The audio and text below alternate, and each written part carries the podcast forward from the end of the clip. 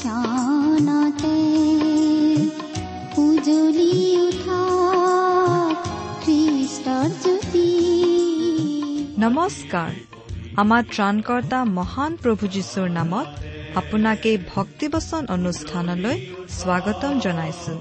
এয়া মুকলি কৰিছো ঈশ্বৰৰ জীৱিত বাক্যৰ ধাৰাবাহিক অনুষ্ঠান ভক্তিবচন। মুখৰিত কৰি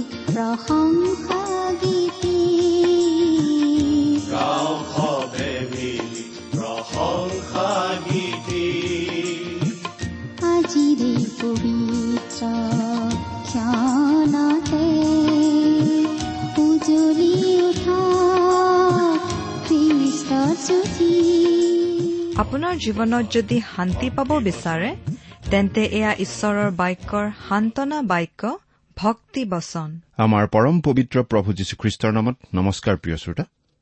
আশা কৰো মহান পিতা পৰমেশ্বৰৰ মহান অনুগ্ৰহত আপুনি ভালে কুশলে আছে। লগতে এই বুলিও আশা কৰিছো যে আপুনি আমাৰ এই ভক্তিবচন অনুষ্ঠানটো নিয়মিতভাৱে শুনি আছে। প্ৰিয় শ্ৰোতা আমি আমাৰ চিনাকি লোকসকল আমি ভালপোৱা লোকসকল সদায় ভালে কুশলে থকাটোৱেই নিবিচাৰোনে বাৰু? ঈশ্বৰেও আমাক ভাল পায়। আমি ভালে কুশলে থকাটো তেওঁ বিচাৰে আৰু সেইবাবেই তেওঁ আমাক উদ্ধাৰ কৰিবলৈ তেওঁৰ একেজাত পুত্ৰ যীশুখ্ৰীষ্টক আমালৈ দান কৰিছিল। আমিও আমাৰ শ্ৰোতাসকল ভালে কুশলে থকা বুলি জানিলে ভাল পাওঁ। তেওঁলোকৰ কুশল বাতৰি আমি শুনিব বিচাৰো আৰু সেইবাবেই আমি শ্ৰোতাসকলৰ পৰা চিঠি পত্ৰ পাবলৈ আশা কৰো।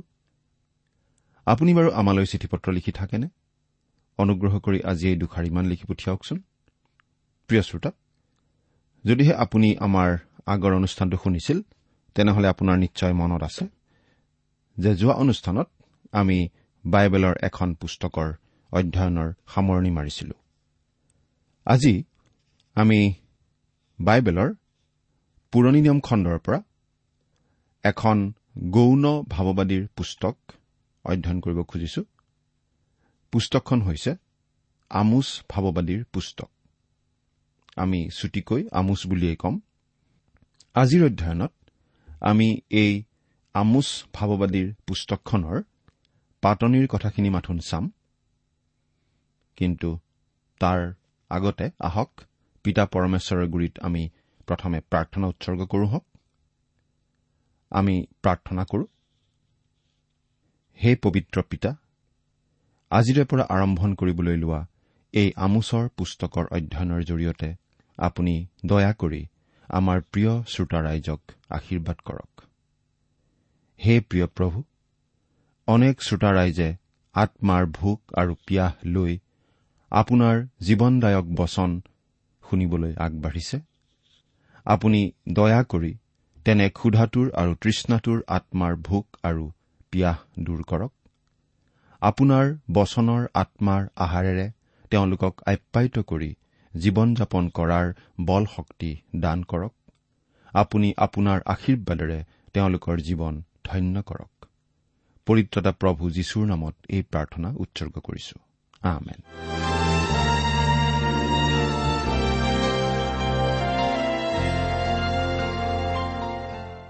প্ৰিয় শ্ৰোতা আহক আজি আমি আমোচ ভাৱবাদীৰ পুস্তকখনৰ পাতনিৰ কথাখিনি চাওঁ হওক। ইছৰাইলৰ উত্তৰ ৰাজ্যৰ ৰজা দ্বিতীয় জাৰবিয়াম আৰু দক্ষিণ ৰাজ্য জিহুদাৰ ৰজা উজ্জিয়াৰ দিনত আমোছে ভাৱবাদীৰূপে ভাৱবাণী প্ৰচাৰ কৰিছিল। ইছৰাইলৰ উত্তৰ ৰাজ্যৰ ভাৱবাদী জোনা আৰু হুছেয়া আৰু দক্ষিণ ৰাজ্য জিহুদাৰ ৰিচয়া আৰু মিখা ভাৱবাদীৰেই সমসাময়িক ভাৱবাদী আছিল এই আমোচ ভাৱবাদী। আমোছে ঈশ্বৰক এই জগতৰ শাসনকৰ্তাৰূপে দেখুৱাইছে আৰু কৈছে যে জগতৰ সকলো জাতি আৰু উপজাতি সেই ঈশ্বৰৰ ওচৰত দায়বদ্ধ। জাতি এটাই সিদ্ধ কৰিব পৰা দায়বদ্ধতাৰ পৰিমাণেই সেই জাতিটোৰ পোহৰৰ পৰিমাণ। আন কথাত ক'বলৈ গ'লে জাতি এটাই যি পৰিমাণৰ দায়বদ্ধতা ঈশ্বৰৰ গুৰিত সিদ্ধ কৰিব পাৰে সেইটোৱেই প্ৰকাশ কৰে কিমানখিনিলৈকে সেই জাতিটো পোহৰত বিচৰণ কৰিব পাৰিছে। কোনো এক জাতি বা ব্যক্তিৰ তেনে চূড়ান্ত প্ৰমাণ আমোচ তিনি নম্বৰ অধ্যায়ৰ তিনি নম্বৰ পদত পোৱা যায়। ইয়াত এনেদৰে কৈছে এক পৰামৰ্শ নহলে দুজনে একেলগে চলিবনে? ইছৰাইল জাতিটোৱে যেতিয়া পূৰ্ণ সমৃদ্ধিৰে জীৱন যাপন কৰিছিল তেতিয়াই আমোছে জাতিটোৰ বিৰুদ্ধে শাস্তি ঘোষণা কৰিছিল। জাতিটোৱে বিলাসিতা আৰু অনৈতিক জীৱন ধাৰণ কৰি যি অপৰাধ কৰিছিল তাৰ বাবে তেওঁলোকলৈ ৰৈ আছিল ঈশ্বৰৰ সুধ বিচাৰ দণ্ড শাস্তি। এক কথাত কবলৈ গ'লে ক'ব পাৰি যে আমোচ আছিল এগৰাকী গাঁওবাসী ভাৱবাণী ঘোষক যিজন চহৰলৈ আহি ভাৱবাণী ঘোষণা কৰিছিল। আমি সকলোৱেই আমোচৰ বিষয়ে অলপ জনা ভাল কাৰণ তেওঁৰ পটভূমি জনাৰ ফলত তেওঁৰ ভাৱবাণীও আমি ভালদৰে জানিব পাৰিম। তেওঁৰ ভাৱবাণী ভালদৰে আমি বুজি পাব পাৰিম। আমি পাম যে আমোছে জন্মগ্ৰহণ কৰিছিল ইছৰাইলৰ দক্ষিণ ৰাজ্য জিহুদিয়াত। কিন্তু আমোছে ভাৱবাণী প্ৰচাৰ কৰিছিল ইছৰাইলৰ উত্তৰ ৰাজ্যত। বৈত এলত অৱস্থিত ৰজাৰ উপাসনাগৃহত তেওঁৰ বাণী প্ৰচাৰ কৰা হৈছিল। গাঁও অঞ্চলৰ পৰা অহা এনে এগৰাকী গাঁওবাসী লোকে চহৰলৈ আহি চাৰিওফালে থকা জাতিবিলাকৰ বিৰুদ্ধে ঈশ্বৰৰ সোধ বিচাৰ ঘোষণা কৰাটো বাস্তৱিকতেই বৰ অসচৰাচৰ কথা আছিল। ঈশ্বৰৰ যি কাৰ্যসূচী সেয়া আছিল গোটেই জগতখনক সামৰি আৰু ঈশ্বৰৰ সেই কাৰ্যসূচী আমোছে দেখা পাব পাৰিছিল কাৰণ তেনে বহল দৃষ্টিভংগীৰে তেওঁ চাব জানিছিল। আমোছে তেওঁৰ বহল আৰু গভীৰ দৃষ্টিভংগীৰে এই কথাও দেখা পাইছিল যে ঈশ্বৰৰ সেই কাৰ্যসূচী কেৱল বৰ্তমান কালৰ নিমিত্তেই নাছিল বৰং দূৰ ভৱিষ্যতৰ বাবেও আছিল। এই আটাইবোৰ কথাই এই মানুহজনক এক বিশেষ ভাৱবাদীৰূপে পৰিগণিত কৰাইছিল। আমোচ এক নম্বৰ অধ্যায়ৰ এক নম্বৰ পদত এই বুলি কোৱা হৈছে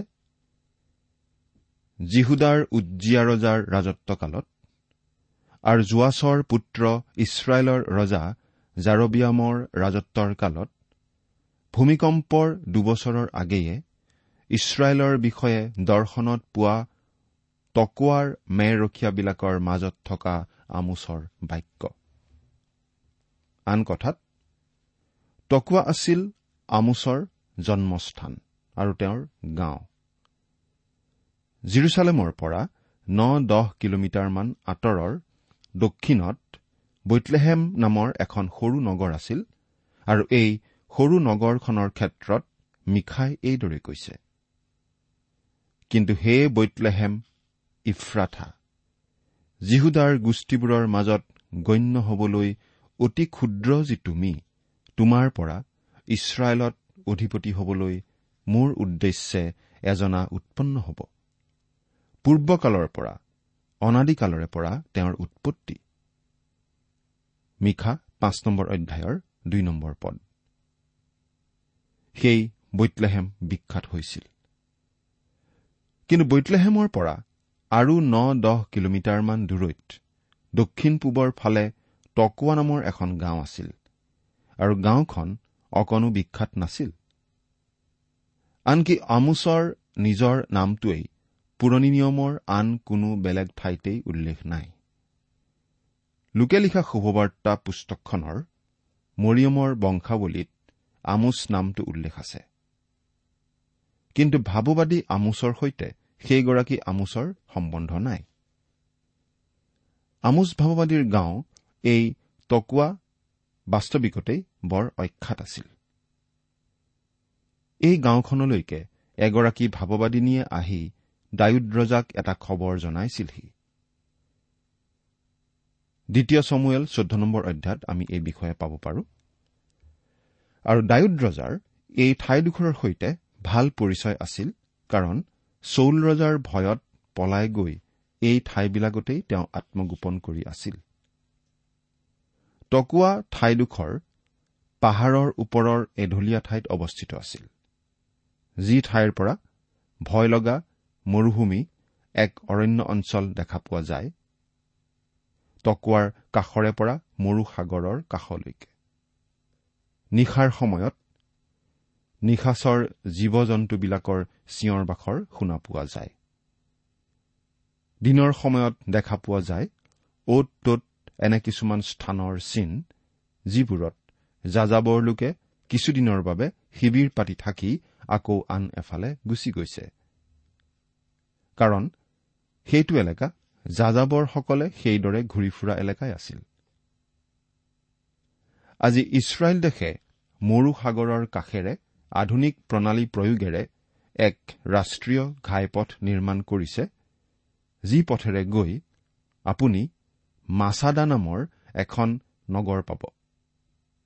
আৰু সেই ঘাইপথেৰে পুনৰ ঘূৰি আৰাদ আৰু হিব্ৰুন হৈ আপুনি বৈতলেহেম পাবগৈ পাৰে। কিন্তু সেই পথে আপোনাক টকুৱালৈ লৈ নাযাব কাৰণ টকুৱালৈ যাবলৈ তেনে কোনো ৰাজ আলি নাই। টকুৱালৈ যাবলৈ তেনে পথ নাই।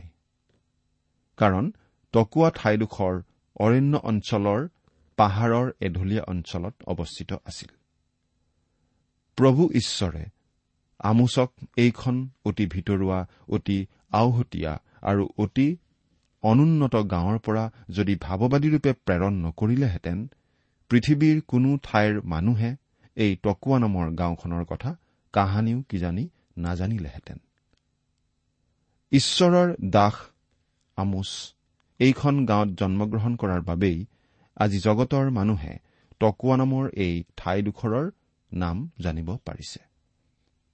ইছৰাইলৰ উত্তৰ ৰাজ্যৰ চমৰীয়াত ঈশ্বৰৰ পৰিচৰ্যা কাম কৰা এইগৰাকী ঈশ্বৰৰ দাস আমোচ আৰু তেওঁৰ কামৰ কিছু গভীৰ কথা জানিবলৈ হলে আমি আমোচ পুস্তকৰ সাত নম্বৰ অধ্যায়টোৰ পৰা চাব লাগিব।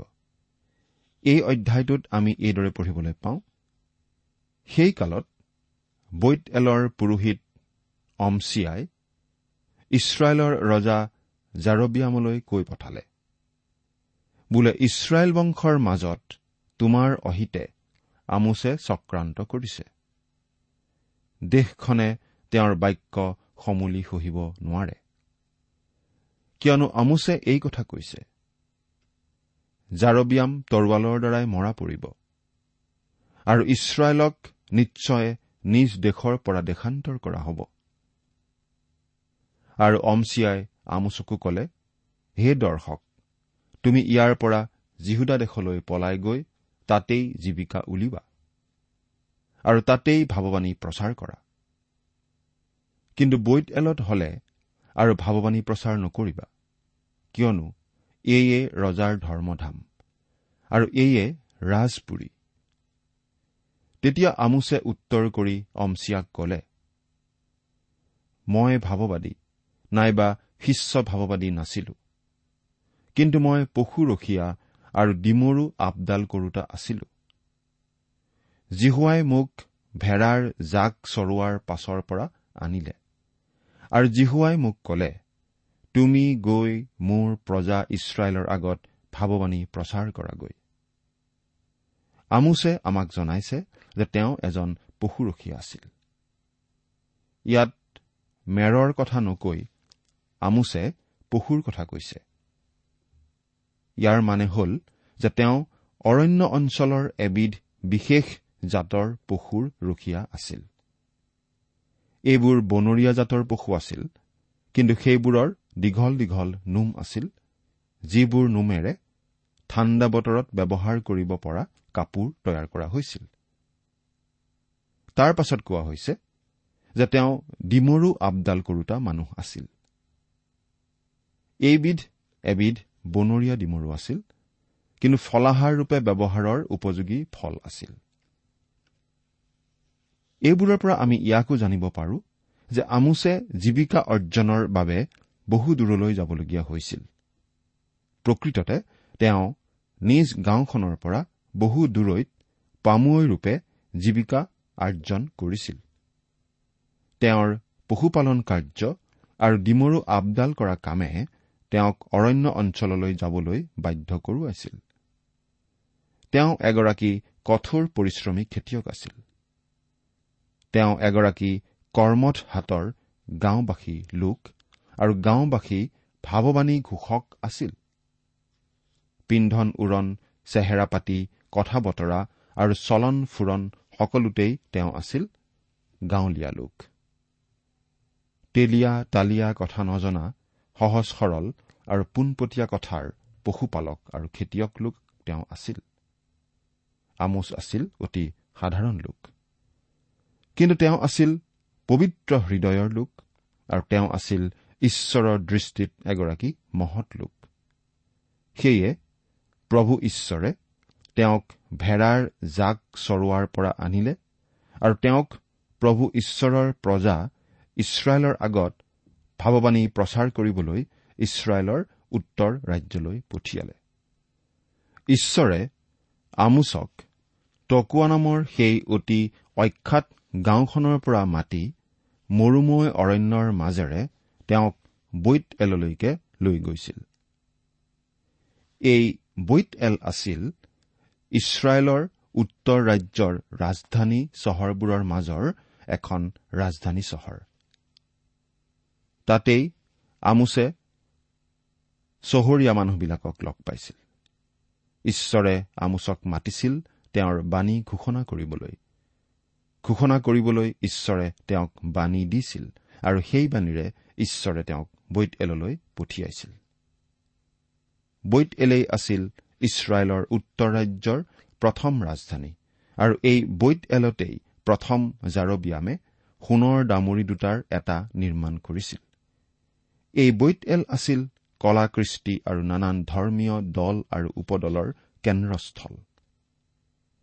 ইছৰাইলীয়া লোকসকলে সেই ডামুৰিটোক পূজা কৰিবলৈ লৈ সৰ্বশক্তিমান ঈশ্বৰলৈ পিঠি দিছিল। বৈত এল আছিল এনে এখন নগৰ যলৈ তেতিয়াৰ দিনৰ সম্ভ্ৰান্ত আৰু বিলাসিতাপ্ৰিয় মানুহবিলাকে ঢাপলি মেলিছিল। চৌখিন মানুহবিলাকে থাকি ভাল পোৱা নগৰ আছিল সেইখন নগৰ। চৌখিন আৰু সম্ভ্ৰান্ত লোকৰ বাসস্থান এই নগৰখনো আছিল জাক জমকতাৰে ভৰা নগৰ। এই নগৰখন বুদ্ধিজীৱীসকলৰো বাসস্থান আছিল। তাৰ মানুহবিলাকৰ নিমিত্তে তাত ভাৱবাদীসকলৰ প্ৰশিক্ষণৰ বাবে এখন বিদ্যালয়ো আছিল। তাৰ ধৰ্মীয় শিক্ষা প্ৰদান কৰা বিদ্যালয়বোৰে নৰম পন্থাবাদ শিকাইছিল। আজিকালি যেনেবোৰ মাৰাত্মক নৰম পন্থাবাদবোৰ শিকোৱা হৈছে তেনেবোৰ উদাৰ পন্থাবাদ বা নৰম পন্থাবাদ তেওঁলোকেও শিকাবলৈ পালে বৰ ভাল পালেহেঁতেন। ঈশ্বৰহীন লোকসকলৰ বাবে লোভনীয় বিধৰ বৰ আধুনিকভাৱে প্ৰস্তুত কৰা ধূম্ৰপান সেই লোকসকলৰ মাজত বৰ দ্ৰুততাৰে বিস্তাৰ লাভ কৰিব পৰা বিধৰ সাজপাৰ আদিৰ আৰম্ভণ হৈছিল এই নগৰতেই। নিজৰ দেহা প্ৰদৰ্শন কৰিব পৰাকৈ কিমান চুটি কিমান স্বচ্ছ আৰু কেনে কেনে ধৰণৰ সাজপাৰ তৈয়াৰ কৰি পৰিধান কৰিব লাগিব। সেই আটাইবোৰৰ শিক্ষণ আৰু প্ৰশিক্ষণ এইখন নগৰতেই বিচাৰি পোৱা গৈছিল। বৈত এল মানে হৈছে ঈশ্বৰৰ গৃহ। কিন্তু এই নগৰখনত যি যি কাম কৰা হৈছিল ই ঈশ্বৰৰ গৃহ নহৈ ছয়তানৰহে গৃহ হৈ পৰিছিল। তাৰ পাছত দেখিছো বৰ অসচৰাচৰ বাণীৰে আনসকল ভাৱবাদীতকৈ সম্পূৰ্ণ পৃথক বিধৰ ভাৱবাদী আমোছে। তেওঁৰ টকুৱা নামৰ গাঁওখনৰ পৰা ঈশ্বৰৰ ভাৱবাদীৰূপে বৈত এল নগৰলৈ আহে। আমোচৰ সাজপাৰ বৈত এলৰ মানুহৰ দৰে নাছিল। তেওঁৰ বাণীও তেওঁলোকৰ বাণীৰ নিচিনা নাছিল। তেওঁ যি বিধৰ বাণী ঘোষণা কৰিছিল তেনে বাণী বৈত এলৰ মানুহে কাহানিও শুনা নাছিল আৰু তেনে বাণী শুনিবলৈকো তেওঁলোক কোনোমতেই প্ৰস্তুত নাছিল। ৰজাৰ উপাসনা গৃহত কথা কোৱা লোকসকল বৰ ৰহন সনা মোলায়ম ভাষাৰে কথা কোৱা উচ্চ মানদণ্ড বজাই ৰখা শিক্ষিত লোক আছিল যদিও সম্পূৰ্ণ ঈশ্বৰ অবিশ্বাসী লোক আছিল। আৰু সেয়ে মানুহক ভাল লগাবলৈ কিছুমান মিঠা মিঠা কথা কৈছিল লাগিলে সেইবোৰ সঁচাই হওক বা মিছাই হওক। কিন্তু তেওঁলোকৰ মাজলৈ এতিয়া আমোচ নামৰ এই গাঁৱলীয়া মানুহ এজন আহিছে। মানুহজন বৰ বেলেগ। চহৰখনত আমোচ আহি যেতিয়া উপস্থিত হৈছিলহি তেতিয়া মানুহবিলাকে তেওঁলৈ ৰ লাগি চাই ৰৈছিল। কিন্তু তেওঁলোক বৰ মোলায়ম আচৰণৰ মানুহ আছিল দেখি তেওঁলোকে অন্ততঃ মিচিকি হাঁহিৰে তেওঁৰ আগমনৰ প্ৰতি সঁহাৰি জনাইছিল। আমাৰ এনেকুৱা ধাৰণা হয় যে গাঁৱৰ মানুহ দেখি আমোচৰ সাজপাৰো বৰ আওপুৰণিবিধৰ আছিল। তেওঁৰ সাজপাৰ বৈত এলৰ কোনো লোকৰ বাবে নিশ্চয় পচন্দৰ নাছিল। কিন্তু তেওঁলোকে দেখিছিল যে আমোচে সাজপাৰৰ কথাত কোনো গুৰুত্ব আৰোপ কৰা নাছিল। তেওঁৰ নিজৰ সাজপাৰৰ বাবে তেওঁ মানসিকভাৱে কোনো ধৰণৰ অশান্তি উপলব্ধি কৰা নাছিল। পশুপালক ৰূপে মৰুভূমিময় অৰণ্যত জীৱন কটোৱা মানুহজন এতিয়া খাৱন পিয়ন পিন্ধন উৰণ কথা বতৰা চলন ফুৰণ আদি কৰি স্থান মান সকলো ক্ষেত্ৰতে সদা সচেতন বৈত এলবাসী মানুহৰ মাজত সোমাই পৰিছে।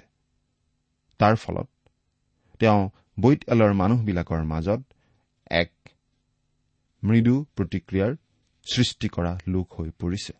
তেওঁ এতিয়া কৃষিৰ স্থান এৰি কৃষ্টিৰ স্থানলৈ আহিছে। আমাৰ এনেকুৱা লাগে যে প্ৰথমতে প্ৰত্যেকেই তেওঁৰ কথা শুনিবলৈ হয়তো আহিছিল।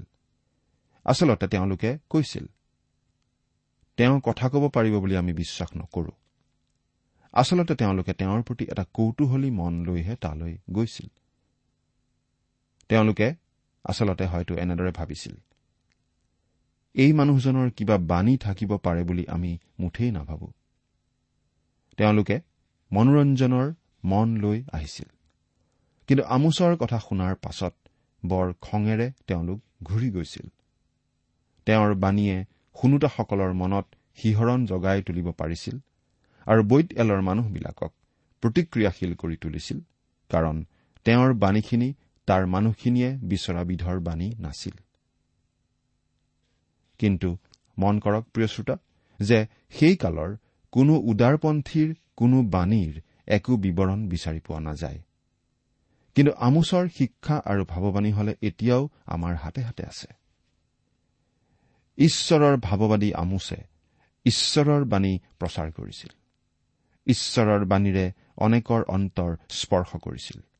অনেকে প্ৰভুলৈ পালতিছিল কিন্তু তেওঁ উদাৰপন্থীসকলৰ অশান্তিৰ কাৰণ হৈ পৰিছিল। বৈত এলৰ সকলো ধৰ্মীয় দল আৰু উপদলসমূহে একেলগে লগ লাগি একত্ৰিতভাৱে আমোচক তেওঁৰ কামৰ পৰা ওফৰাবলৈ উঠি পৰি লাগিছিল। তেওঁলোকে আমোচক ওফৰাবলৈ একেলগে লগ লাগিছিল বা ইকিউমিনিকেল জাগৰণ গঢ়ি তুলিছিল। কিন্তু আনহাতে আমোচে ঈশ্বৰৰ আদেশৰ দৰে নিজৰ কাম কৰি গৈছিল।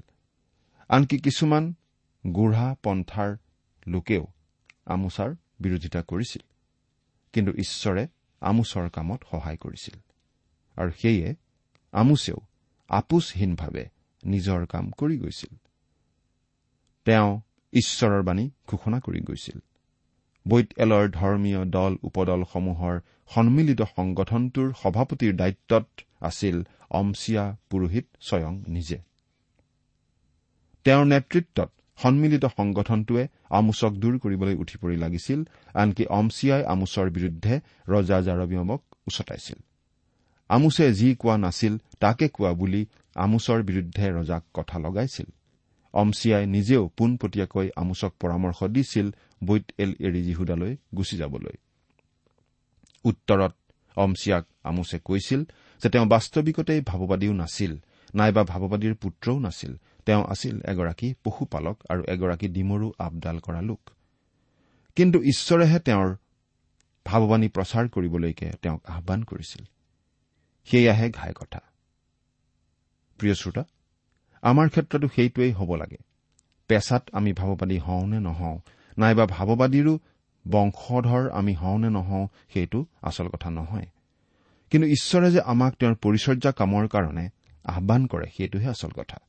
যিসকলে ঈশ্বৰৰ আহান পায় সেই আহানৰ প্ৰতি সঁহাৰি জনাই তেওঁৰ কাম কৰিবলৈ আগবাঢ়ি আহে তেওঁলোকেহে নানাবিধৰ ঘাট প্ৰতিঘাতৰ মাজতো ঈশ্বৰৰ কাম কৰিব পাৰে। ঈশ্বৰৰ পৰিচৰ্যা কাম কৰাৰ ক্ষেত্ৰত যে ঈশ্বৰৰ আহানটো অতি প্ৰয়োজনীয় কথা তাক আমি আমোচৰ আহান আৰু তেওঁৰ কামৰ পৰাই জানিব পাৰো। আজিলৈ ইমানতে এৰিছো। পৰৱৰ্তী অনুষ্ঠানত লগ পোৱাৰ আশাৰে বিদায় লৈছো। ঈশ্বৰ আপোনালোকৰ সহায় হওক।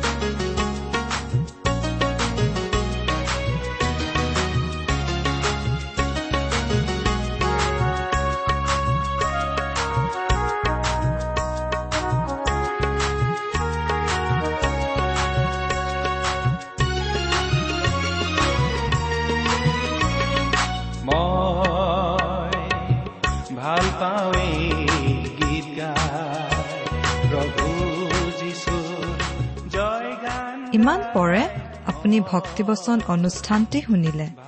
অনুষ্ঠানটি শুনি কেনে পালে? আমালৈ চিঠি লিখি জনাবচোন। অনুষ্ঠানত প্ৰচাৰ কৰা কোনো কথা বুজিব লগা থাকিলেও আমালৈ লিখক।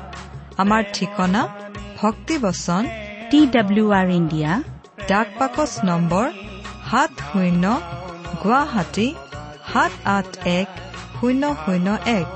ঠিকনাটো আৰু এবাৰ কৈছো ভক্তিবচন টি ডাব্লিউ আৰ ইণ্ডিয়া ডাক পাকচ নম্বৰ সাত শূন্য গুৱাহাটী সাত আঠ এক শূন্য শূন্য এক। আপুনি ইমেইল যোগেৰেও আমাৰ সৈতে যোগাযোগ কৰিব পাৰে। আমাৰ ইমেইল আইডিটো হৈছে Assamese T TV at radio' eight eight two dot com. আইডিটো আকৌ এবাৰ কৈছো। Assamese T TV at radio' eight eight two dot com. আপুনি টেলিফোনৰ মাধ্যমেৰেও আমাক যোগাযোগ কৰিব পাৰে। আমাৰ টেলিফোন নম্বৰটো হৈছে শূন্য তিনি ছয় এক দুই ছয় শূন্য চাৰি ছয় সাত এক। ফোন নম্বৰটো আকৌ এবাৰ কৈছো zero' three six one two six zero' four six seven one. আজিৰ অনুষ্ঠানটি ইমানতে সামৰিছো। ঈশ্বৰৰ শান্তি আৰু অনুগ্ৰহ আপোনাৰ লগত থাকক। ধন্যবাদ।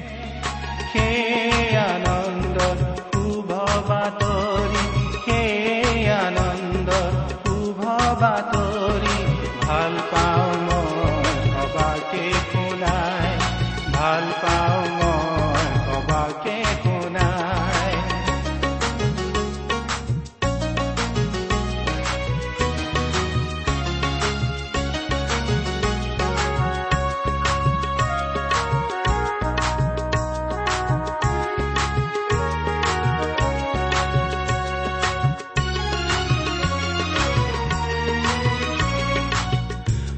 গধুৰ বুজাব তেওঁ কান্ধতে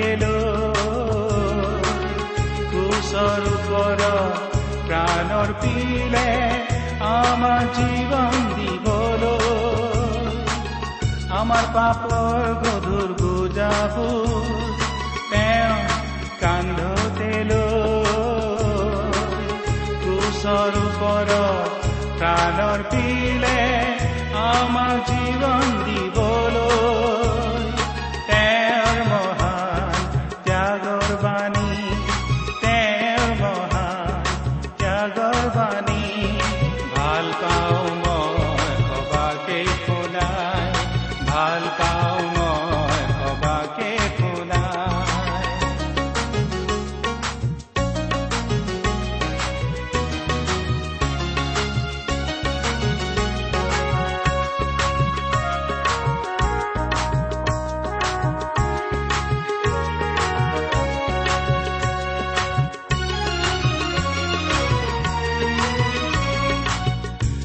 দিনা পুনৰ উঠি মৃত্যুক জয় কৰিলে। তৃতীয় দিনা পুনৰ উঠি মৃত্যুক জয় কৰিলে। সুশৰীৰে সৰগলৈ গৈ সুশৰীৰে সৰগলৈ গৈ আজি নিবেদিছে আমাৰ হকে।